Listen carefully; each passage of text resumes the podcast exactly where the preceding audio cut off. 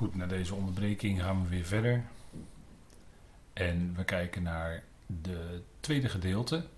De hemelse acties, vers 11 tot en met 16. Dan zien we in vers 11 de ruiter op het witte paard. Vers 12 en 13 omschrijving. Vers 14 zijn volgers van die ruiter op het witte paard. Een hemels leger. En vers, uh, vers 15 en 16 zijn verdere beschrijving. Openbaring 19 en als we even een heel overzicht nemen over het gedeelte 11 tot en met 21, gaat het dan om de omschrijving van de eindstrijd van de derde, de boze eon. Als gevolg van de mobilisatie bij Armageddon. In openbaring 16, vers 16 wordt gesproken over Armageddon. En vaak wordt de indruk gewekt alsof daar de grote eindstrijd zal plaatsvinden. Maar het is een verzamelplaats. Hè. Er staat in uh, Openbaring 16, vers 16, kunnen we even met elkaar lezen. Staat dat.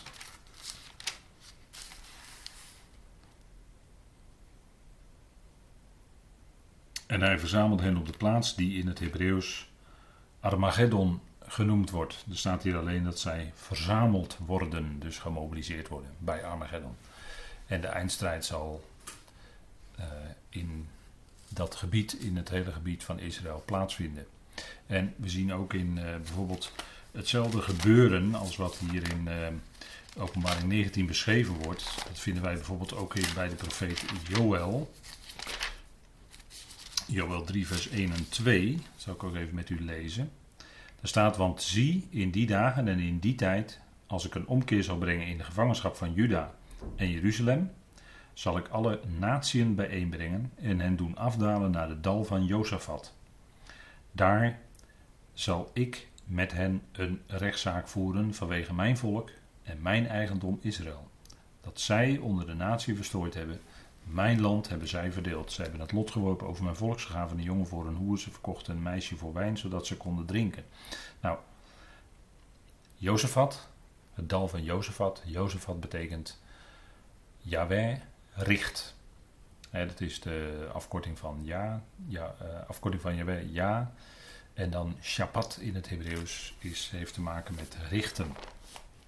En we zien hetzelfde gebeuren ook in uh, openbaring 14 en dan vers 17 tot en met 20. Dat gaat ook over de eindstrijd. En daar wordt het beeld gebruikt ook van de oogst. En een andere boodschapper kwam uit de tempel die in de hemel is. En ook hij had een scherpe sikkel.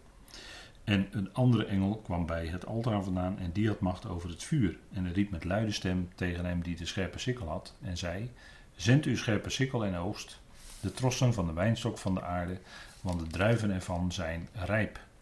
En de boodschapper stond zijn sikkel op de aarde en oogste van de wijnstok van de aarde en wierp die in de grote wijnpersbak van de verontwaardiging van God. En de wijnpersbak werd getreden buiten de stad en er kwam bloed uit de wijnpersbak tot aan de tomen van de paarden, 1600 stadien ver.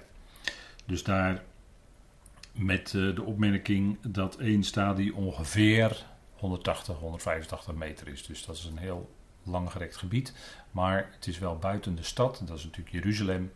En daar, zal dan de, daar zullen de legers dan vernietigend verslagen worden. Maar ze zullen dus eerst, nogmaals, verzameld worden bij Armageddon. dat is Har Megiddo, dat is de berg bij Megiddo.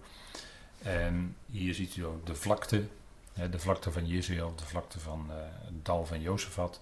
Ziet u op deze foto, op deze dia. En dan uh, weet u ook wat dat is. Daar is de verzameling. En er staat er in vers 11: En ik nam de hemel waar, geopend, en zie een wit paard. En hij die erop zit wordt genoemd trouw en waarachtig. En in gerechtigheid richt hij en levert hij slag. Een wit paard. Waarom een wit paard? Een wit paard, dat zegt met ons misschien veel minder dan dat het een oosterling zegt. Maar als een oosterling al wat middelen had, kon hij misschien een rijdier kopen. Dat was dan een ezel, minder waard. En een kameel is iets meer waard. Maar dan een wit paard, dan moest je rijk zijn. Dan was je ook had je ook, uh, ja, dan was je verheven. Want als je daarop zit, wil zeggen dat je voornaam bent, edel en dan heb je, beschik je over de middelen. En daarom wordt dit beeld hier gebruikt. Hij die komt Op dat, hier, op dat witte paard, wordt genoemd trouw en waarachtig. En in gerechtigheid richt hij en levert hij slag. Nou, we hebben in openbaring 6, hebben we ook gezien een ruiter op het witte paard. Die dan zogezegd de vrede kwam brengen. Maar die had niet een zwaard of een sabel, maar die had een boog. Dus die hield de strijd op een afstand. Maar die beschikte wel over kracht, want die boog zegt natuurlijk iets over kracht. En die kon het dan om de tijdelijk de vrede op de aarde te bewerkstelligen. Het zal ineens blijken dat er iemand komt die in staat is om over de hele wereld een soort rust en vrede te brengen. En die vrede wordt dan weggenomen, want dat blijkt uit het uh, tweede paard, dat is de ruiter op het uh, rode paard. En daarbij. We zien dus in openbaring 6 de ruiter het witte paard, een ruiter op een wit paard. En we zien in openbaring 19 hier een ruiter op een wit paard. En daarvan wordt gezegd in openbaring 6 dat hij de vrede kwam brengen. Want bij het rode paard in openbaring 6 wordt gezegd dat hij de vrede van de aarde wegnam. Dus er komt kennelijk dan iemand. En we identificeren diegene als de antichrist of de wetteloze. En die zal dan woorden spreken waarmee hij rust en vrede en een nieuw tijdperk over de aarde brengt. En dan zal bij de ruiter op het rode paard, dan komt er uh, mogelijk iemand anders, of dan komt er een andere macht of kracht of wat dan ook. En die zal spreken en dan de vrede van de aarde kunnen wegnemen. En dan in dat gevolg daarvan komt ook verderf en de dood. Die andere twee paarden die dan volgen. Maar hier gaat het om een wit paard en die erop zit wordt genoemd trouw en waarachtig. Dus hier kunnen we duidelijk identificeren dat het gaat om de Heer zelf. Hij is trouw, hij is waar. De woorden die hij spreekt, die zijn getrouw en waarachtig. En hij richt in gerechtigheid. En hij zal slag leveren. Hij zal definitief een einde maken aan. En dat is ook een onderscheid tussen openbaring 19 en openbaring 6. In openbaring 6 zien we dus dat daarna er oorlog komt. De vrede wordt van de aarde weggenomen. Dus overal conflicten. En Midden-Oosten conflict waarschijnlijk. En hier levert hij slag en dan maakt hij een einde aan alle conflicten. En dan breekt er een tijd juist aan van vrede, van shalom. En dus dat is een hele andere setting. Ook een heel ander figuur. Openbaring 6 en openbaring 19 is niet dezelfde. En in openbaring 6 gaat het niet om de Christus van de schriften, maar gaat het om degene die zich in plaats van de Christus stelt. In plaats van degene die alle macht in, in feite in handen heeft. De wetteloze. Maar hier gaat hij slag leveren om zijn volk en dus ook de volkeren te verlossen. Maar die, zijn dan, die worden dan nog aangedreven door de tegenwerkende krachten, door de tegenstander. En die zullen zich verzamelen met grote getalen en zullen daar dan, en dat is natuurlijk ook door de Heer uit ten diepste zo bedoeld, zodat hij in één keer een einde kan maken aan al die vijandelijke legers. Met wat voor wapens ze komen, met uh, misschien uh, allerlei moderne middelen waarmee ze tegenwoordig oorlog kunnen voeren, noem alles maar op. Maar hij zal ze verslaan. Hij zal daaraan een einde maken. Nou, we gaan kijken wat er dan in vers 12 staat. Zijn ogen nu zijn een vuurvlam. En op zijn hoofd heeft hij veel diademen, namen geschreven die niemand kent behalve hij. Nou, die ogen als een vuurvlam, dat is dat vuur, dat wijst natuurlijk op gericht. Dus hier komt de Heer in zijn gerichtsgestalte. En een diadeem wijst weliswaar op regering, maar het eigenaardige doet zich voor. Een diadeem denken wij aan een kroon op iemands hoofd en dat is ook wel zo. Alleen het woord diademen, diadeem, dat komt, voort, komt eigenlijk voor in wat wij dan noemen het tempelgedeelte van de openbaring, waarin het dus gaat om de religieuze verlossing. En diademen hebben dan kennelijk te maken met de regering over de religie. Over datgene wat de godsdienst van de mensen bepaalt. En in de eindtijd zal het natuurlijk bepaald worden door uiteindelijk de tegenstander, dat men die zal moeten aanbidden. Maar dat is een gebeuren wat, wat zich dus in dit gedeelte, wat in dit gedeelte specifiek hè, vanaf openbaring 11 beschreven wordt. En we zijn nog niet aan het einde van, nog net niet aan het einde van het tempelgedeelte, maar het gaat hier nog steeds om de religieuze verlossing en die religie van de eindtijd, die drijft mensen dan ook toe om op te trekken. Want ze beseffen dat dan in, in en rondom Israël, daar is iets en dat moet nu eens eindelijk eens definitief uitgeschakeld worden. Dat volk moet nu eens een keer definitief verslagen worden. En dan zal hij komen. En als aan hier op het beeld, hè, onder het beeld van een ruiter op een wit paard en achter hem volgen dan een hele hemelse legermacht, ook op witte paarden. Dat is natuurlijk een beeldspraak. In de hemel zijn geen paarden. Dat is natuurlijk ook beeldspraak, maar om aan te duiden dat hier de grote overwinnende macht komt. Dat hier de zuiverheid komt. Hè, de, die gaan de zuivere regering van de Messias uh, instellen. En al die onzuiverheid en al die corruptie en al die zaken, er wordt allemaal een einde aan gemaakt. En op zijn hoofd heeft hij veel diademen namen geschreven die niemand kent, behalve hij.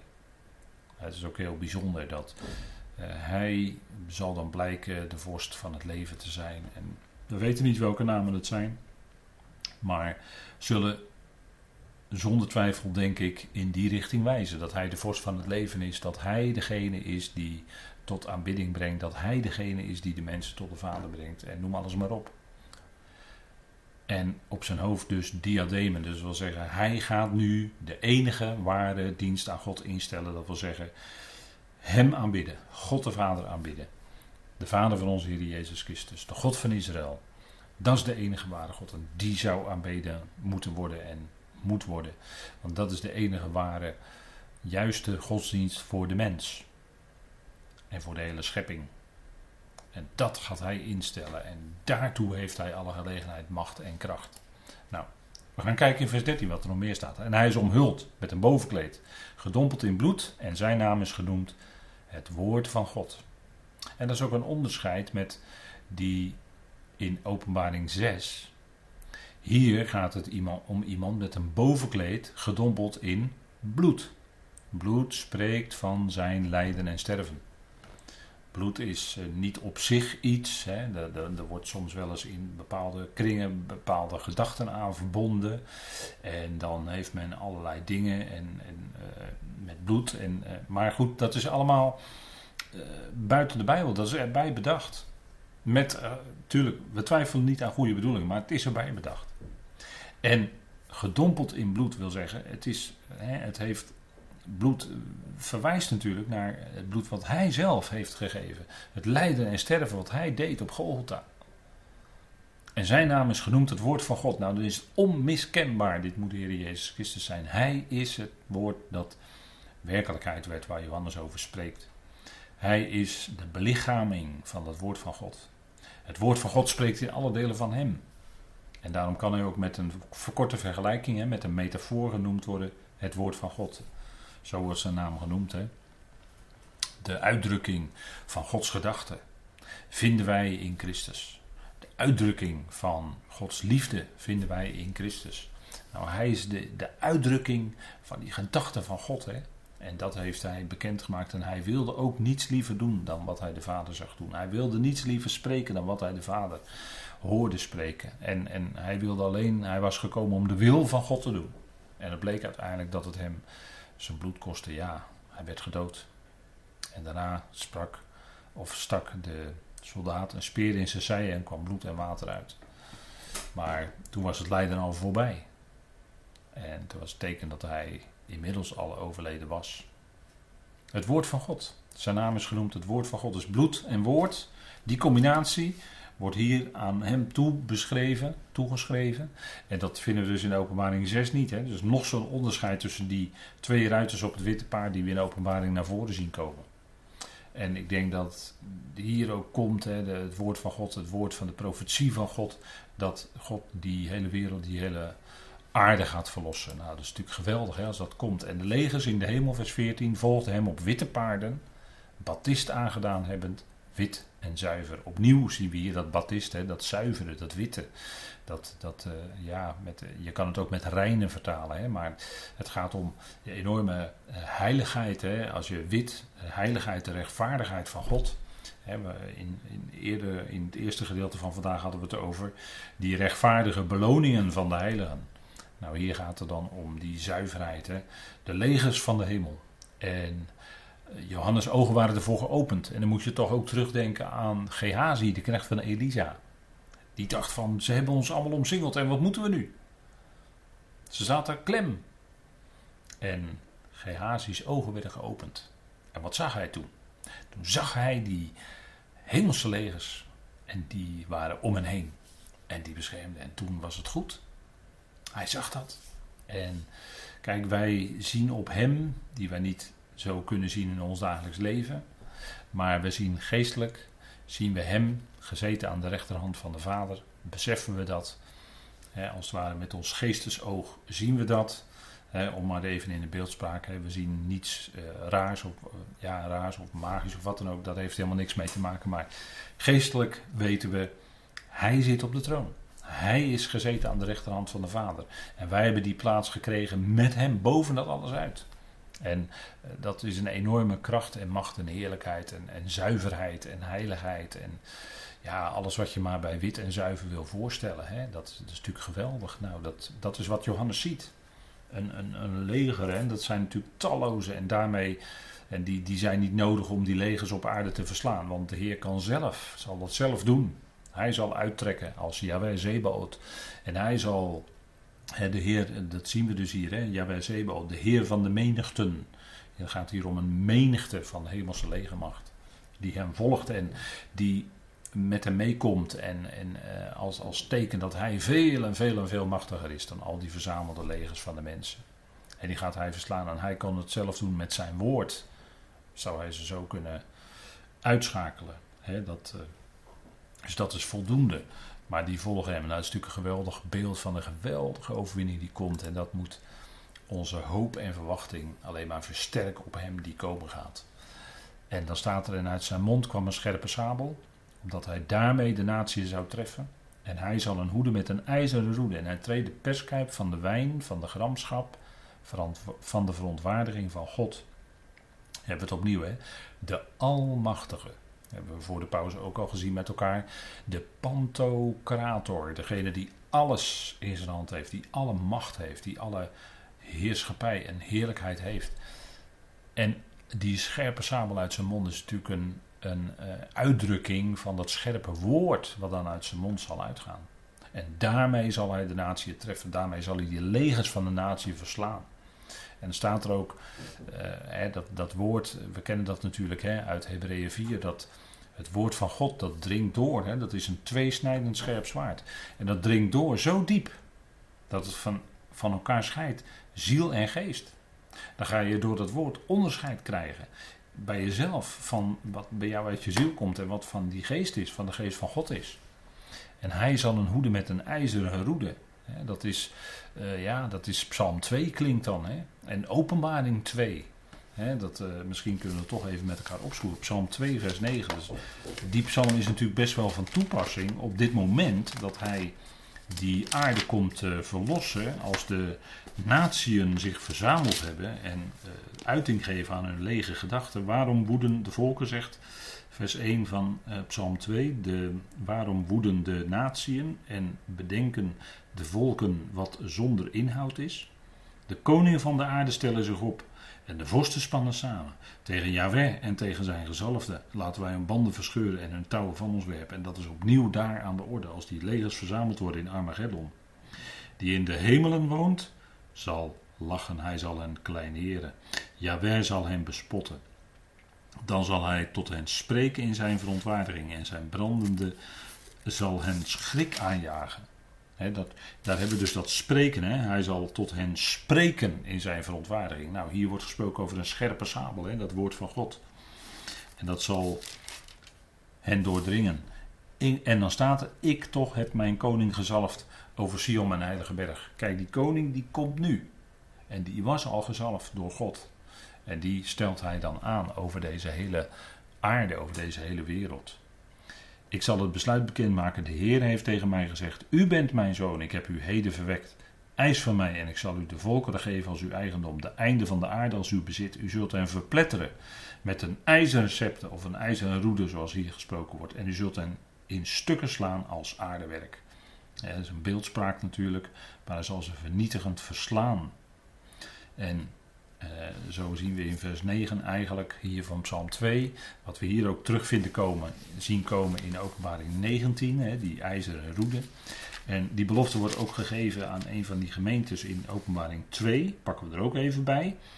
Er staat, vers 27, en hij zal een hoeden met een ijzeren staf of roede, en zij zullen als kruiken van een pottenbakker verbrijzeld worden. Zoals ook ik van mijn vader heb ontvangen, zegt de Heer.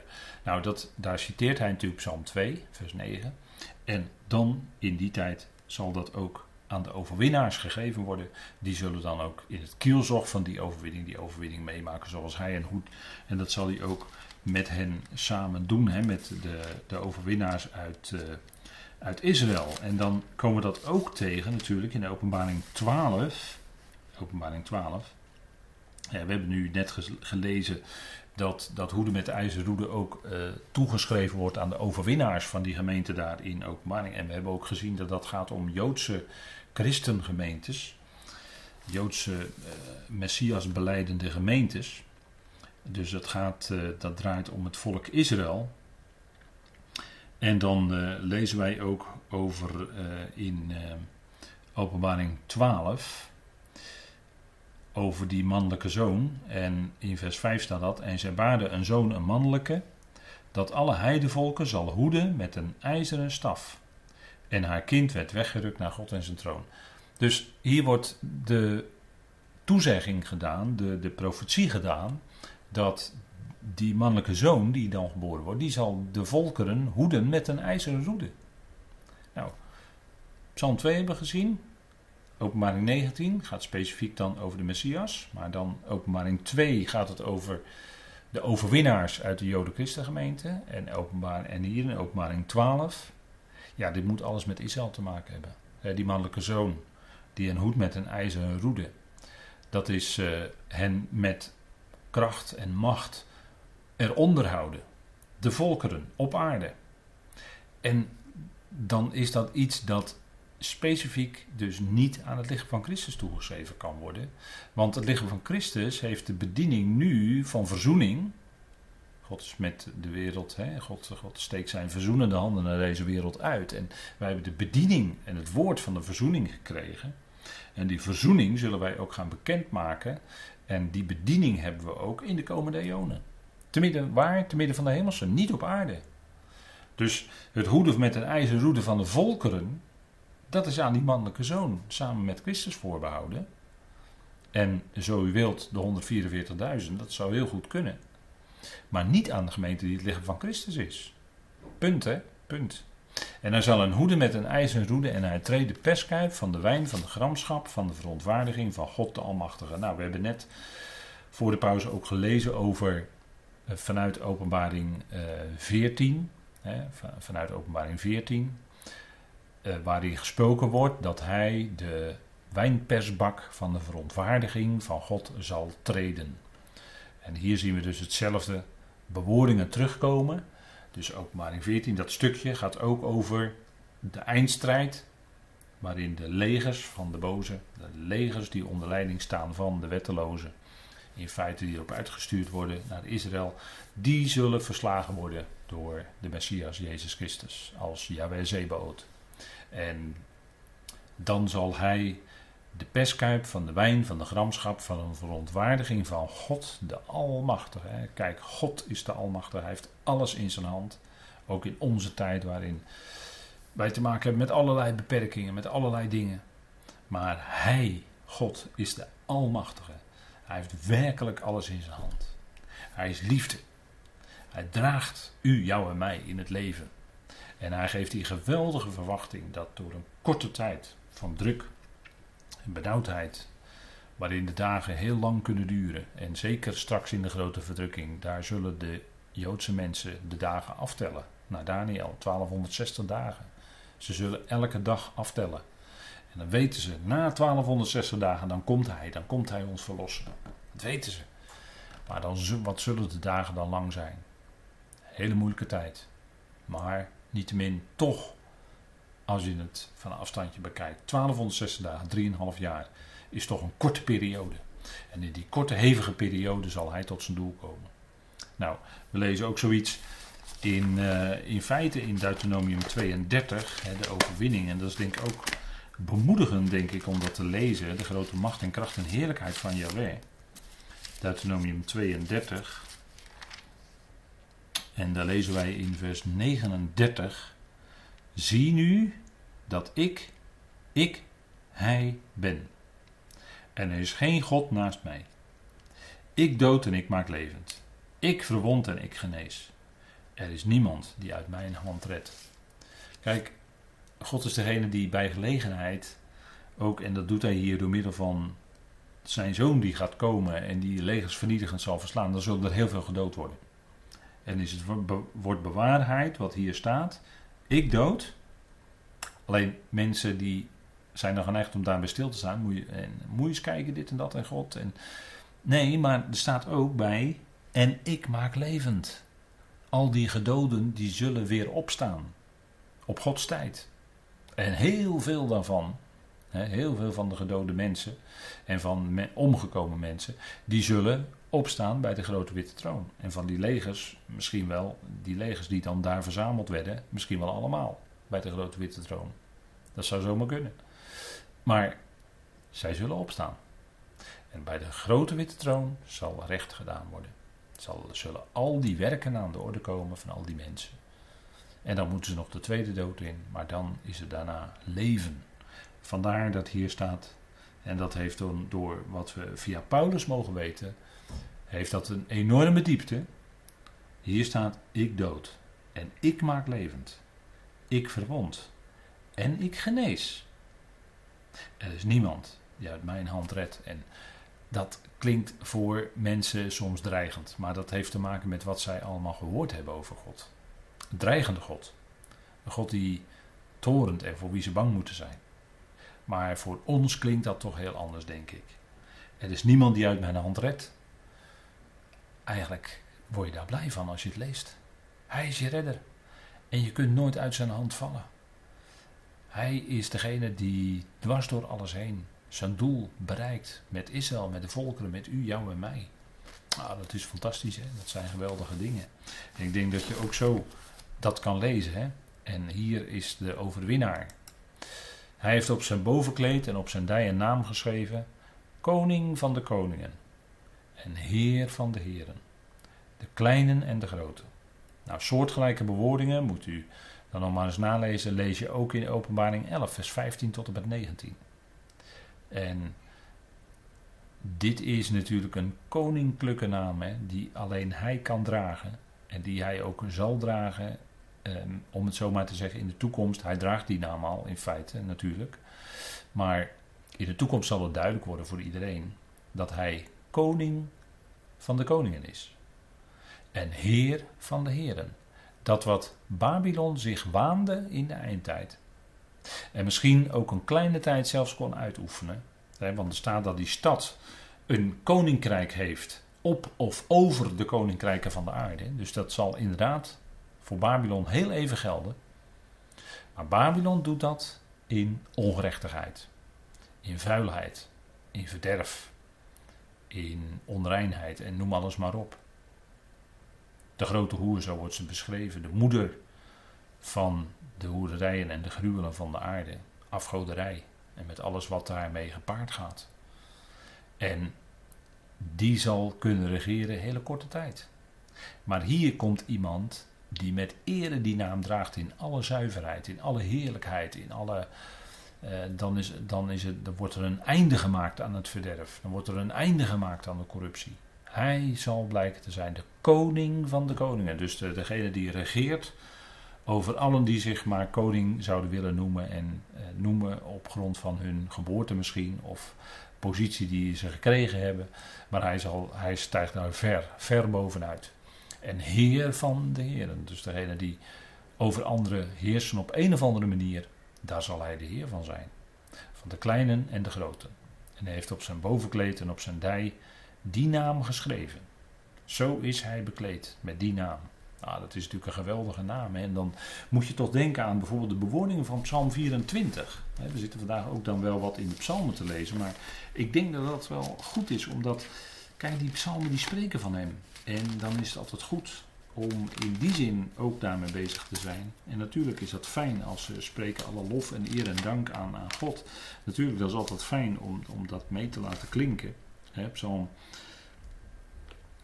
24, en dat is de, de, er staat boven de intocht van Yahweh. En dan staat er in Psalm 24, vers 7: Hef uw hoofden op, o poorten, en verhef u, o Eonische deuren, opdat de koning der ere binnengaat. Wie is deze koning der ere? Yahweh, sterk en geweldig. Yahweh, geweldig in de strijd. Hef uw hoofden op, o poorten. Ja, verhef ze, o Eonische deuren. Opdat de koning der ere binnengaat. Wie is hij, deze koning der ere? De Yahweh van de legermachten. Of van de menigten. Yahweh Zeboot. Hij is de koning der ere. En dan aan zulke woorden moet je denken als je dit leest. Hè? Koning van de koningen en heer van de heren. En dan zullen de mensen daar in Israël dit ook zingen van Psalm 24. Wie is die koning der ere? Dat is hij, dat is de Heer Jezus Christus. De Messias die gekomen is. Ze zullen zien in eerste instantie wie ze doorstoken hebben en dan rouwklagen. Maar dan zal dit ook geroepen worden en gezongen worden. Hef uw hoofden op, o poorten. En poorten staat misschien dan wel als beeldspraak voor degene die de leiding hebben over het volk. Maar dat geldt dan natuurlijk tegelijk voor het hele volk. En dat geldt ook voor ons. Hè, als we deze dingen lezen met elkaar en overwegen dat hij zal komen als trouw en waarachtig. Als zodanig wat hier op zijn dij geschreven is. Dan weten we dat dat gaat komen voor Israël. Dat is muziek. En dan gaat je hoofd, gaat je hoofd eigenlijk automatisch omhoog. En gaat je hart zingen. En ons hart zingt als leden van het lichaam van Christus van de genade van God. Die genade laat die regeren in jullie hart. Ja, dat is geweldig. Hè? Dat zijn natuurlijk geweldige dingen. En zo zal hij komen. En hier wordt dan de grote overwinning beschreven van hem op al die legermachten. En de volgende keer zullen we dan met elkaar, eh, als we nog de tijd vergund wordt, spreken over, eh, ja, spreken over die, eh, over die andere maaltijd. Want daar gaat het volgende deel over. Dan wordt er gesproken over een andere maaltijd die gehouden wordt. En eh, dat staat dan als tegenhanger voor die maaltijd die we vandaag eerst bespraken met elkaar, de bruiloft van het lam, met die hoofdmaaltijd. Maar dan wordt er gesproken over een andere maaltijd. Dus heb je weer een dubbel beeld. Hè? Aan de ene kant, uh, laten we zeggen, positief, het bruiloft van het lam, die maaltijd. En aan de andere kant, die, dat gericht, en dat is een andere maaltijd. Daar is daar waar de roofvogels op afkomen. En dat dubbele beeld zie je dus ook in openbaring 14. Dan zie je die wijnpersbak met de sikkel erin. En dan zie je ook die andere wijn en die andere druiven die geoogst worden. En dat, is dan, dat zijn dan de getrouwen uit Israël. Nou, zo is het uh, daar ook een dubbelbeeld. En zo is dat ook hier in openbaring 19. En ik denk dat het goed is om uh, daar dan vandaag mee uh, af te sluiten. En dan hebben we weer een stapje mogen zetten in dit boek Openbaring, wat toch een bijzonder boek is, waarin de Jezus Christus onthuld wordt. En we zullen God danken voor die zoon. Vader, we danken u dat we mogen, uw naam mogen danken, loven en prijzen dat het daarop uitloopt. Hij zal komen als de koning van de koningen en de heer van de heren. En vader, soms in ons leven hebben we dagen dat het heel moeilijk is. Dat er lijden is en veel verdriet. Soms is er een periode in ons leven, misschien wel jarenlang, waarin we veel moeten lijden en veel moeite zijn. Maar dank u wel dat u ook daar een eind aan heeft gesteld. En dank u wel voor het grote, diepe lijden van uw zoon, zijn bloed. Spreek daarvan. Dat hij voor ons heeft vergoten en dat zijn ziel heeft uitgegoten, zo diep heeft geleden. Om die hele schepping, die hele wereld te verlossen. Vader, dank u wel dat hij zal komen voor ons als redder. En voor Israël als Yahweh Zebo, de Heer van de menigten, die met een zwaard zijn volk zal verlossen. En zal laten zien dat hij het was die zij gekruisigd hadden, die de overpriester en schriftgeleerde Sanhedrin en enkele van het volk daartoe aangezet riepen dat hij gekruisigd moest worden. En dan zal het volk zien dat degene die in hun midden was, dat dat er gekruisigd is, de opgestaan en dat hij er is voor hen.